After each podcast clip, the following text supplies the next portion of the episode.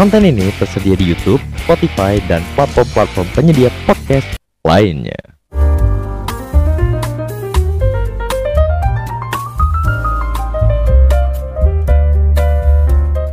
Ya, selamat datang di channel Yuki Sumarno bersama mas-mas netizen biasa. Mas-mas netizen sih.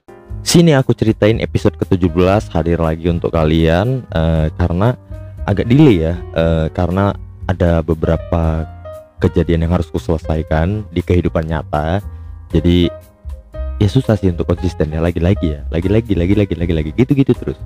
Tapi ya uh, ke ketidak konsistenan aku ini itu terjadi juga di angkot-angkot di kota Medan. Kenapa ke situ? Karena karena kita akan bahas ada sesuatu yang viral belakangan ini tentang angkot di Medan yang nomornya 123 yang dua garis manja kalau nggak salah itu ditabrak kereta api. Ya karena kesalahan dia sendiri sih. Kalau kalian yang di luar kota Medan, kalian mungkin kok bisa sih angkot nabrak eh, eh kok bisa sih angkot ngerobos rel kereta api?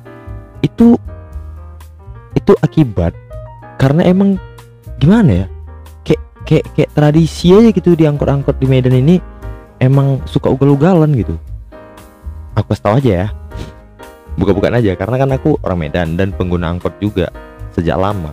Sampai sekarang sih nggak sekarang sih nggak lagi karena ya takut sih. Karena orang itu ugal-ugalan nih karena gini misalnya nih angkot jenis yang sama itu jaraknya yang ngatur mereka sendiri. Nggak ada yang ngatur di di terminal atau di mana gitu kan. Jarak menitnya gitu ngatur mereka sendiri gitu. Jadi ketika mereka terlalu dekat jaraknya kan uh, peluang orang menunggu angkot di pinggir jalan makin kecil kan? Gitu. Misalnya kalau dekat kan peluangnya berarti yang dapat bakal yang depan. Gitu gitu hitung hitungannya mungkin ya. Tapi karena hal itu mereka kalau udah rapat udah deket gitu kan jaraknya. Jadi harus duluan-duluanan di depan. Siapa yang di depan? Karena siapa yang di depan akan dapat sewa penumpang yang uh, peluangnya lebih banyak kan daripada yang di belakang gitu. Apalagi penumpang sekarang semakin sedikit karena ada online onlinean ya kan? Ya itu salah satu penyebabnya. Penyebab kedua adalah rata-rata supir di Medan kan adalah orang yang orang Batak ya. Aku sih ada Batak-Batak juga tapi memang orang Batak dan tradisi orang Batak itu kayak minum tua itu kayak kalian tuh tahu tua kan? Ya miras lokal lah miras lokal sini jadi kalau minum tua itu bagi orang tuh kayak minum kuku bima atau minum extra jos gitu-gitu. Ya tipsi-tipsi sih bawa angkotnya. Jadi ya gitu. Kalau udah tipsi-tipsi kan mental kita gila kan. Jadi ya gitu. Orang tuh nekat-nekatan gitu. Ya itu sih menurut aku. Terus itu itu angkot yang ditabrak kereta api itu kejadian di skip. Skip bukan skip melewati ya tapi S E K I P skip. Jadi ada lima korban atau empat korban gitu loh nggak salah. Terus tuh uh, kabar terakhir si supir juga ngaku bahwa dia eh, eh, eh, si supir juga uh, dites dan dia positif narkoba ya. Anjir. Gila sih. Itu aku nengok videonya tuh supir dipukulin sama warga gitu. Ya kalau aku di situ di tempat itu juga aku ikut mukulin sih. Karena anjing gara-gara dia tuh orang yang nggak tahu apa-apa tiba-tiba mati gitu pulang ke rumah jadi jenazah kasihan kan keluarganya gitu yang lagi nunggu di rumah tahu tahu ya Allah kasihan kasihan kasihan kalau dia ikut mati kan kita ya udahlah ya kan. Tapi entah kenapa ya minggu ini tuh banyak kejadian-kejadian yang menyedihkan gitu. Salah satunya nih ada si uh, anak gadis di mana? Dulu apalagi nulisnya. Namanya Novia dia bunuh diri di makam ayahnya ya dengan cara menyampurkan racun di minuman boba. Anjir serem kali sih. Dia tuh uh, karena hamil dihamilin seorang oknum polisi bernama siapa namanya?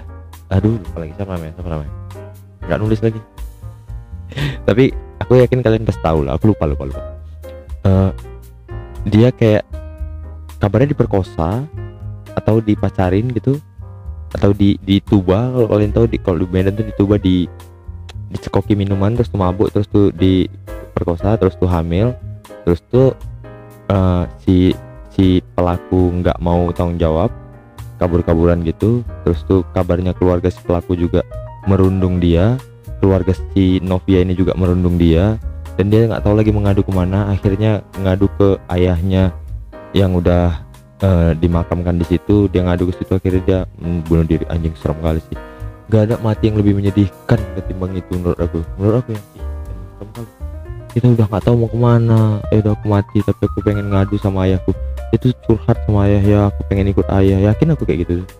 Ya aku pengen ikut ayah. Aku pengen ih sedih kali sedih kali sedih kali. Sedih tapi menurut aku dia nggak bunuh diri sih. Ini ini rame juga di twitter. Menurut netizen tuh dia nggak bunuh diri. Karena menurut netizen itu dia dibunuh.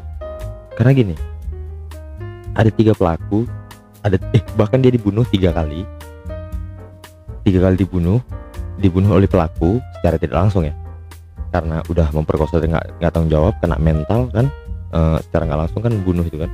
Terus tuh keluarga pelaku ya kayak gue bilang tadi keluarga pelaku tuh juga kayak wah wah wah wah, pokoknya kayak kayak kayak kayak kayak kayak nggak mau eh, membantu bahwasanya si anaknya itu bertanggung jawab kepada si korban ini gitu kan. Terus tuh bahkan penegak hukum katanya eh, ikut secara tidak langsung membunuh si Novia ini ya? Itu atas dasar apa aku nggak tahu juga. Itu rame di Twitter kemarin. Terus itu kabarnya ya ini si polisi ini oknum polisi ini bapaknya anggota DPRD nah kalau kalian ingat kalau kalian penonton setia aku dari kemarin-kemarin yang ada entah kenapa ya bulan ini banyak kejadian polisi nyeleneh gitu. Karena gini kayak gue bilang ya apa yang kita harapkan dari polisi yang mau jadi polisi cuman karena gagah-gagahan gitu supaya dihargai orang supaya dapat gaji supaya dapat jabatan. Apa yang kita harapkan gitu nggak ada ketulusan di hatinya ingin aku ingin jadi pahlawan. Jalurnya polisi gitu. Terus tuh nyok kalau udah niatnya untuk gagah-gagahan dan kebanggaan diri sendiri itu ujung-ujungnya nih eh, maksakan kendak nyogok lah apa segala macam. Akhirnya mental nggak siap dasar brengsek ya brengsek aja. Nah ini si, si anjing ini nih polisi bangsat ini terus dia, dia udah dipecat secara nggak hormat dan dia udah dipenjara juga. Emang anjing sih itu. Itu ih anjing anjing anjing. Tapi aku salut sama netizen sih. Kalau udah kasus-kasus kayak gini netizen tuh wow gila. Bisa dapat namanya mukanya keluarganya seluk beluknya bisa mau dicari. Lengkap itu. Kalau kalian buka twitter itu lengkap semua data-datanya. Anjing serem kan? Makanya kalian jangan macam-macam gitu. Di di di di, di internet jangan macam-macam kalau kalian buat yang yang keterlaluan itu keterlaluan jahat itu jangan. Dapat dapat. Nggak bisa lari kalian sama netizen. Netizen adalah the hand of God. Satu lagi eh, berita yang menyedihkan karena Gunung Simeru meletus ya. Meletus apa erupsi? Erupsi ya lebih tepatnya ya. itu uh aku nengok videonya tuh jam 4 pagi. Eh ini jam 4 sore. Kayak udah gelap segelap gelapnya yang gunung erupsi gitu kan listrik padam ya karena kan ketutup debu banyak gitu kan. Aduh semoga di sana ada udah banyak yang tewas juga ada yang hilang juga. Mungkin ketutupan debu apa gimana? Eh, mungkin nggak sempat evakuasi gitu kan dari rumahnya. Eh, karena yang paling terdampak langsung itu kan orang-orang yang tinggal di kaki bukit kan di kaki gunung maksud aku. Eh, itu seru sih. Ada tuh video ibu-ibu pakai jas hujan mukanya bah seluruh seluruh tubuhnya dan seluruh motornya itu ketutup debu hitam gitu. Anaknya digendong di dalam jas hujan itu. Ih respect. Respect respect. Eh, terus tuh dikasih background yang sedih-sedih gitu. Pengorbanan seorang ibu menyelamatkan anaknya. Nggak pergaulan si ibu aja.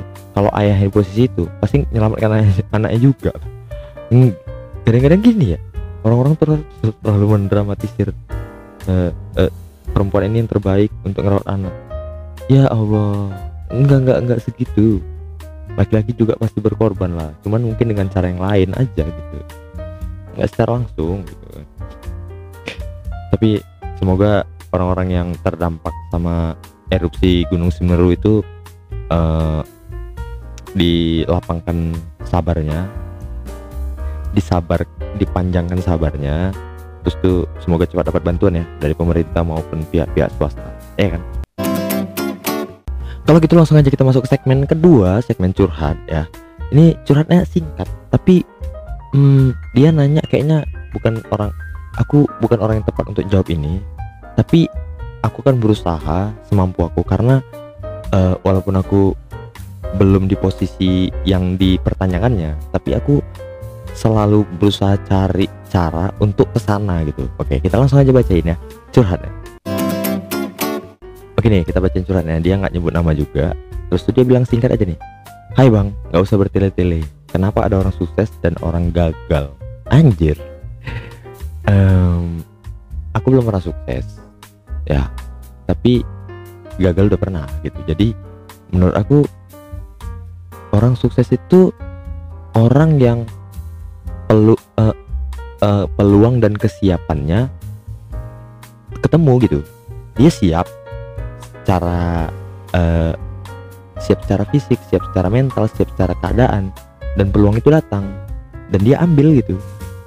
Banyak orang yang misalnya sekolah tinggi punya keahlian segala macam tapi gitu ada peluang mentalnya nggak siap ya kan? Nggak siap secara mental nggak siap secara keinginan mungkin ada hal-hal lain peluang tuh lewat gitu aja. Ada yang peluangnya berkali-kali lewat tapi dia nggak siap. Banyak. Ya kayak, kayak tadi contohnya. Tapi contoh kecilnya aja ya. Misalnya aku aku kan nggak kuliah ya kan? Dulu cari-cari kerja selalu banyak tuh di koran kan atau di media sosial. Lowongan kerja bla bla bla bla bla bla. Uh, minimal pendidikan D, D3 atau S1 nah itu kan peluang tapi akunya nggak siap akunya nggak nggak nggak qualify di di di keinginan kantor itu kan. Itu kesiapannya. Nah ada orang yang nggak sih ada orang yang siap tapi peluangnya nggak datang datang entah peluangnya nggak datang datang atau dia yang nggak bisa nangkap peluang gitu antara dua itu aja sih. Uh, misalnya nih kayak gini. Kita ambil contoh ini ya. Raffi Ahmad kan nggak kuliah ya? Raffi Ahmad itu tamatan SMA doang. Bahkan kabarnya di SMA lulus nggak ya si si Renda Rais bilang uh, Raffi Ahmad tuh nggak nggak lulus di sekolah itu mungkin di sekolah lain ya apa paket C kali ya. Tapi Raffi Ahmad tuh kan kerja kerasnya gila-gilaan dari dari dari dia muda kerja kerasnya gila-gilaan. Peluang itu datang karena kerja keras dia. Ah kerja keras itu kerja keras itu termasuk dalam uh, elemen yang sukses tadi ya. Kerja keras peluang kesiapan ngaco ngaco ngaco ngaco. Ya kalau kalian nanya kayak gini menurut aku nggak tepat sih. Tapi kalau ketika aku udah merasa sukses uh, aku bisa ceritakan dengan detail sih. Tapi gini uh, yakin kalian belum sukses? Menurut aku nggak ada sih orang yang belum sukses. Kalian udah sukses cuman uh, ekspektasi kalian eh uh, apa uh, level kesuksesan kalian ketika udah sukses uh, kalian tingkatin lagi gitu. Misalnya gini dulu kalian sekolah pengen kerja kan? Siapa tahu kalian sekarang udah kerja ya kan? Pengen punya motor. Te, te, uh, berhasil beli motor terus tuh kalian ngerasa itu belum sukses. Suksesnya sukses gimana dulu nih? Ya kan? Ya kan? Ya kan? Kadang-kadang ketika kita sukses kita lupa sama impian kita sebelumnya gitu. Gitu. Karena ketika kita mencapai sesuatu kita merasa manusia selalu kurang gitu manusia selalu kurang uh, dulu aja ya dulu aku tuh waktu jadi karyawan aku pengen deh punya usaha gitu yang gimana ya. sekarang aku punya usaha. Masih ngerasa susah karena ya gitu. Uh, punya usaha itu uh, waktu kita jadi karyawan kita bilang punya usaha itu sukses. Ternyata kita setelah jadi pengusaha uh, level kesuksesan kita kita naikin. Jadi apa gitu? Nah setelah ini usaha ini pengen jadi apa? Pengen tambah lagi pengen membesarkan penghasilan seberapa lagi artinya uh, level penderitaannya beda-beda. Mungkin aku sekarang ngeluh tapi aku sekarang punya HP bagus punya platform bisa rokokan. Kalau dulu mungkin nggak bisa ngerokok punya motor nah, dulu aku nggak punya motor gitu. Jadi level suksesan itu sebenarnya kalian mungkin udah nyampe tapi kalian lupa aja bahwasanya itu dulu impian kalian sih. Gitu sih. 15 menit ya kan? Lumayan dapatlah iklan display. Oke okay, kalau gitu sampai jumpa di episode 18 sini aku ceritain. Bye